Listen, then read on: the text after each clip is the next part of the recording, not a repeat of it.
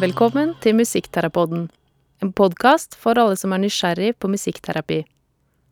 Denne podkasten er finansiert av Polyfon kunnskapsklynge for musikkterapi. De jobber for at musikkterapi skal være tilgjengelig for de brukerne som ønsker og trenger det. Følg gjerne med på Polyfon sitt arbeid på Facebook. Dagens gjest er Katrine Dale, som har jobbet ti år i eldrehelsefeltet. Og for de som ikke kjenner deg, Katrine, kan du fortelle litt om deg selv? Jeg er 39 år, kommer fra Sotra. Og jeg var ferdig utdanna musikkterapeut i 2006. Og siden da så har jeg jobba eh, i kulturskolen i Ålesund, og nå de siste ti årene som musikkterapeut i Bergen kommune. I eldrehelsefeltet. Kan du si litt om hvorfor du ble musikkterapeut? Musikk det har alltid vært en stor del av livet mitt. Og jeg, jeg tror jeg har sunget i kor nesten hele livet. Jeg tror det begynte i søndagsskolekoret når jeg var fire år. Eh, og videre så sang jeg både i barne- og ungdomskor. Og så var jeg eh, gitarelev ved Fjell kulturskole.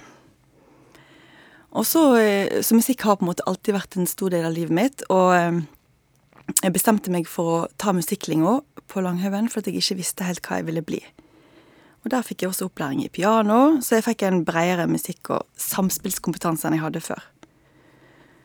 Og så var det da at når jeg var 18 år, fra jeg var 18 år, så jobba jeg som pleieassistent på sykehjem. I alle sommerferier og juleferier. Og der fikk jeg lov til å I ledige stunder fikk jeg lov til å spille for de, for de gamle, som de sa. Og jeg hadde kjøpt meg ny sangbok som var passende for denne aldersgruppa. Og jeg syntes det var kjekt å kunne spille og synge med de, og for de. Og så var det en spesiell kveld at alt forandret seg. For jeg var ferdig med oppgavene mine, og jeg hadde litt ledig tid. Og så satt ei enslig dame på fellesstua og så på TV. Og jeg spurte hun om hun ville høre litt pianomusikk, og det ville hun. Og hun ba meg om å slå av TV-en. Og så spurte jeg hva vil du høre, da? Og så ville hun veldig gjerne høre i Vi har en tulle. Og jeg bladde opp sangboka og begynte å spille. Og så underveis i sangen så la jeg merke til at, at hun beboeren slutta å synge, og at tårene begynte å trille nedover kinnet hennes. Og jeg følte meg helt svært ukomfortabel. Tenkte hva skal jeg gjøre nå? Jeg tørde ikke å slutte å spille, for jeg tenkte hva skjer da? Så jeg bare fortsatte. Jeg sang ekstra vers og la-la-la-vers. Og når musikken da endelig ebba ut, så møtte jeg blikket hennes. Og da gråt hun høylytt og fortalte meg at denne sangen minner henne om dattera hennes.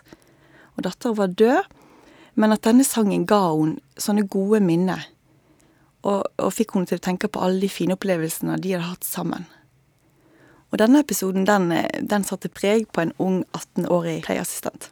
Og da var det sånn at du ble veldig berørt i ditt 18 år gamle musikkterapeut-hjerte? Jeg visste ikke om at det var musikkterapeut-hjerte da. Men da oppdaga jeg først, eh, når jeg var på et, Etter Langhaugen, så eh, begynte jeg på folkehøyskole, på Viken folkehøyskole på Gjøvik. Og der hadde vi lørdagsundervisning.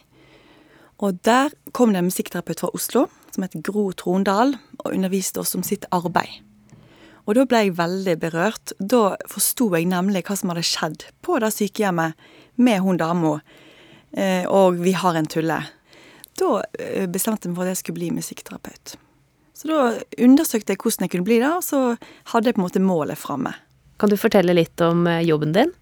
Jeg er ansatt i Bergen kommune som musikkterapeut. Jeg er ansatt ved Kompetansesenter for demens, og jobber som ambulerende musikkterapeut.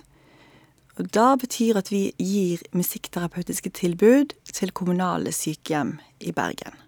Da tilbyr vi både individuell musikkterapi og gruppemusikkterapi.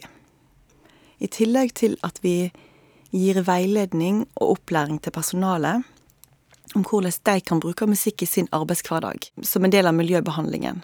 Musikkterapi, det er jo så mye forskjellig. Og hvordan bruker du musikkterapi i møte med menneskene du jobber med, og hvilke ulike elementer er det i musikkterapien i ditt felt? I demensomsorgen så bruker jeg musikk som et kommunikasjonsverktøy. Altså, jeg bruker musikk for å nå inn til mennesket bak sykdommen. Og jeg er opptatt av f.eks. for eksempel Knut, da. Hvem var Knut før han, ble, før han fikk en demensdiagnose? Hva musikk har han likt og hørt på? Har han spilt noe instrument? Hva har han vært opptatt av?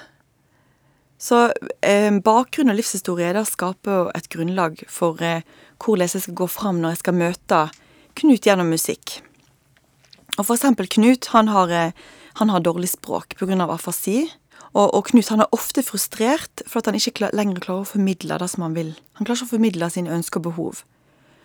Og så vet jeg at Knut er veldig glad i country. Og når han får lov til å synge teksten på I love you because you understand it Han synger med innlevelse, han har stjerne i blikket, og jeg kan nok akkompagnere ham på gitar. Da opplever jeg at Knut han får høy grad av mestringsfølelse. Og han får formidla musikken han liker, og han får brukt ressursene sine på en god måte. Kan du fortelle om en typisk dag eh, på jobb på en sykehjem i Bergen? Ofte så blir jeg med på morgenrapporten om morgenen klokka halv åtte. eh, For å liksom høre hvordan, eh, hvordan det har vært, hvordan natta har vært, og hvordan Der tar man ofte opp ting som rører seg blant beboerne. Og så eh, går jeg tilbake på kontoret og forbereder meg.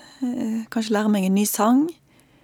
Øver inn noe nytt og ja, får en oversikt over hvordan jeg skal jobbe den dagen. Og så går jeg inn igjen på avdelingen, og da har jeg individualtimer. Og da går jeg ofte inn på rommet til beboeren. Er det da du bruker det som du sa om Knut, at du har liksom tilpassa deg han? Ja, men jeg bruker det òg når jeg har gruppe. eh, Sant? Hvis jeg har eksempel fire personer i ei gruppe, så er det viktig for meg å vite bakgrunnen til de personene som bor der. Hva musikk de liker. eh, For det er det som da- danner grunnlaget for hva, hva sanger jeg velger at vi skal synge.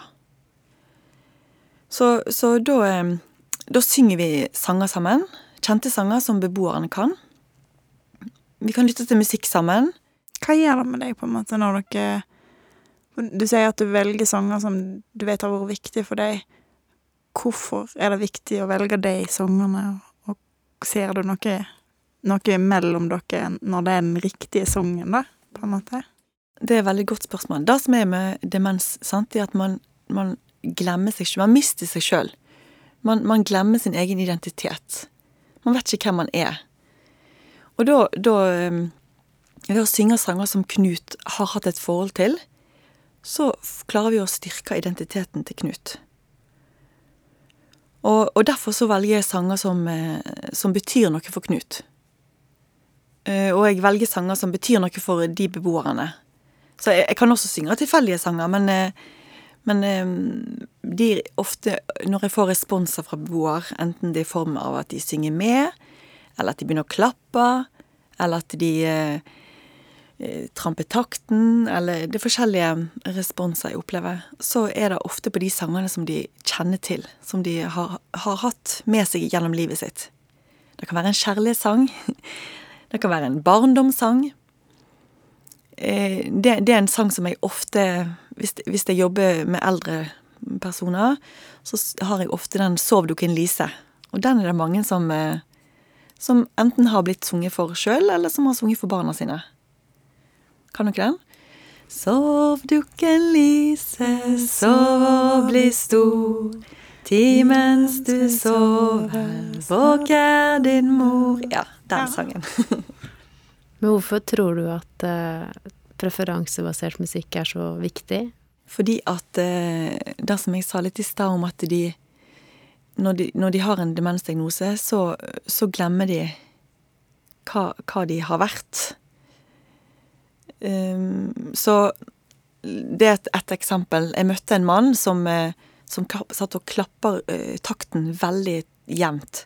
Veldig på slaget. Og jeg var helt imponert over hvor god rytmisk sans. Og han var jo selvfølgelig bauekorpsgutt.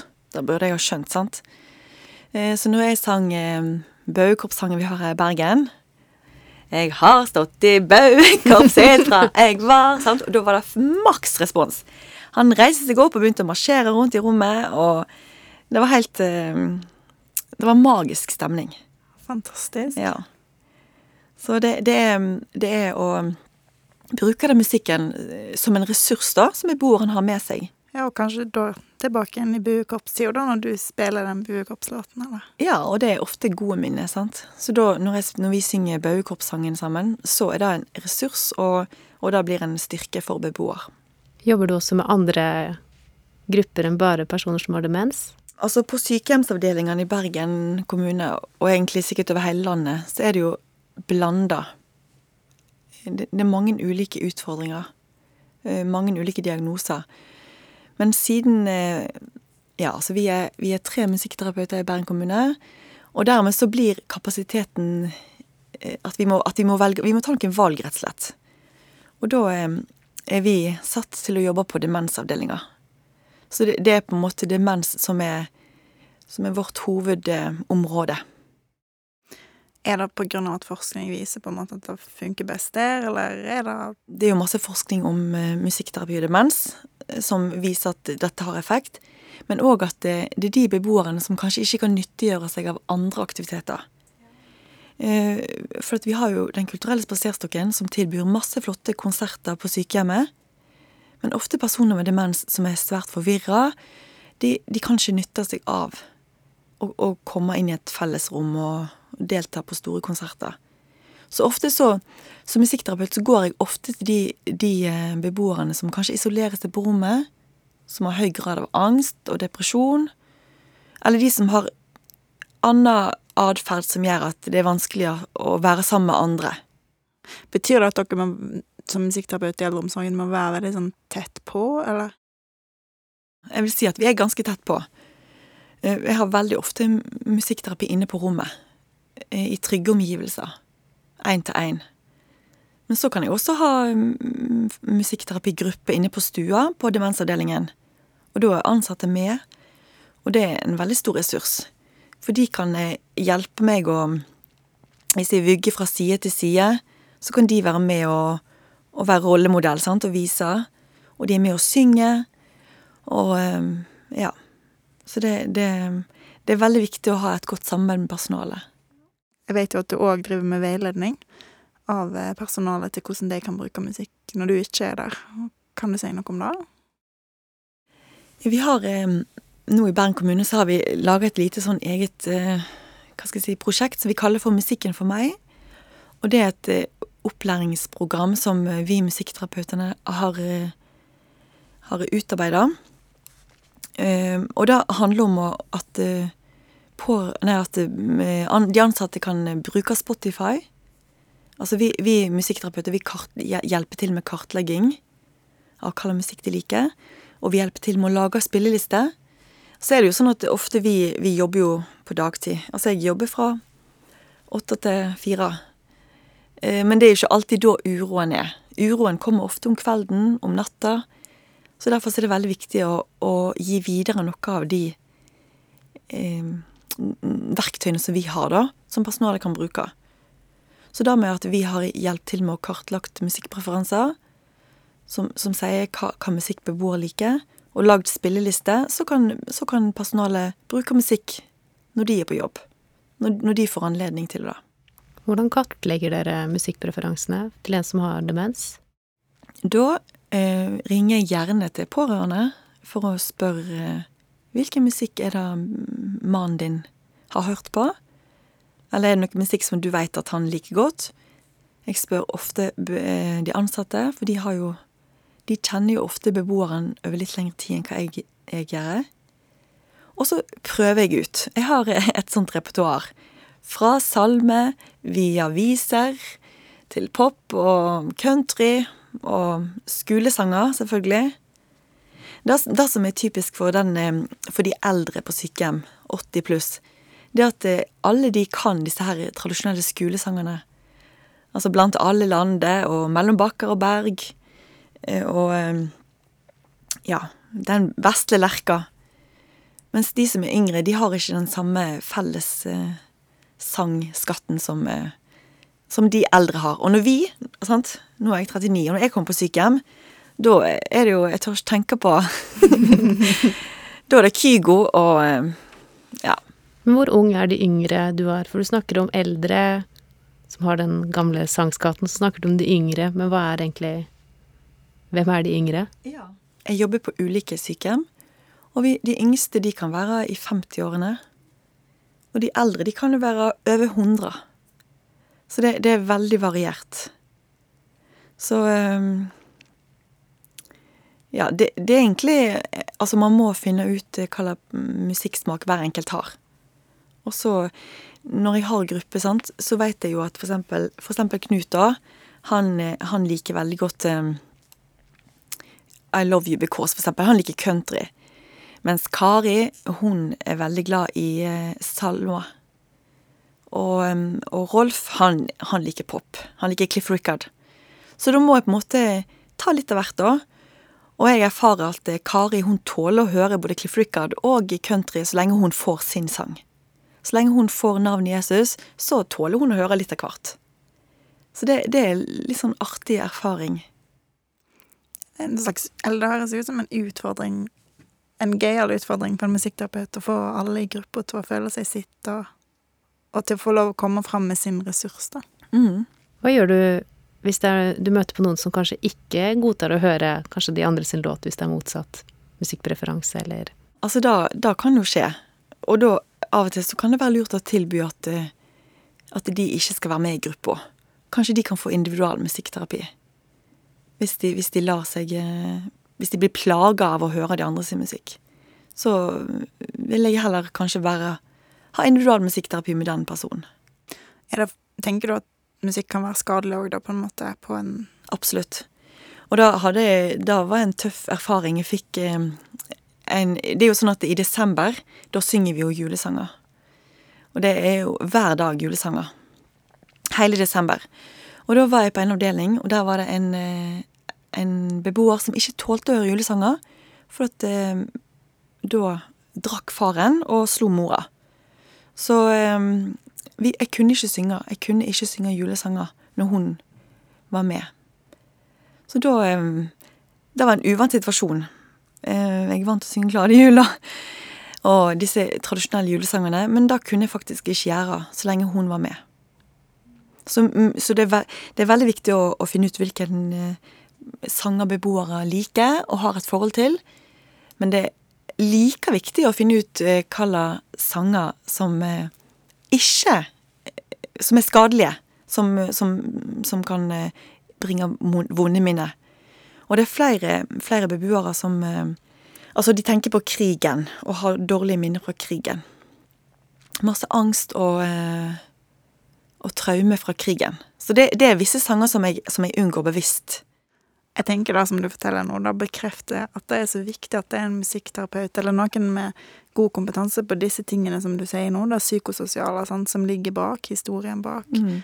Når en jobber med personer i eldrehelsefeltet, at en person som er gammel eller eldre, eh, er like mye en ulik personlighet som vi treffer i alle andre fagfelt, da. Mm.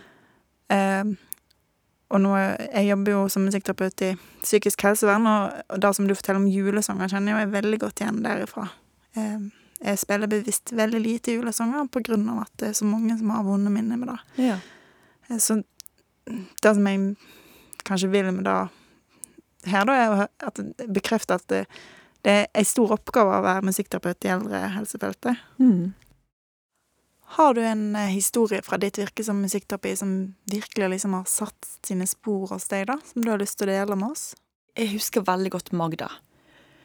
Og Magda, hun var en jeg syns at, at, det var ofte vanskelig å nå inn til Magda.